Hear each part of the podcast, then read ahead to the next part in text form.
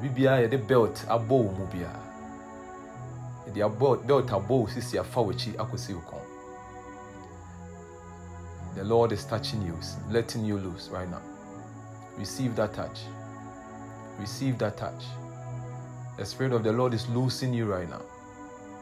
And the belt abɔ mu. In other words you have a problem from your waist anywhere to your back to your neck from your kind of uh, you be how much you're fixing your waist through the back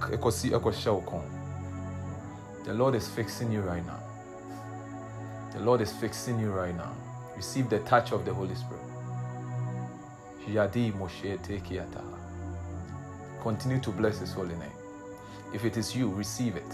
Receive it. Continue to bless his holy name. Praise him. Praise him. Praise him.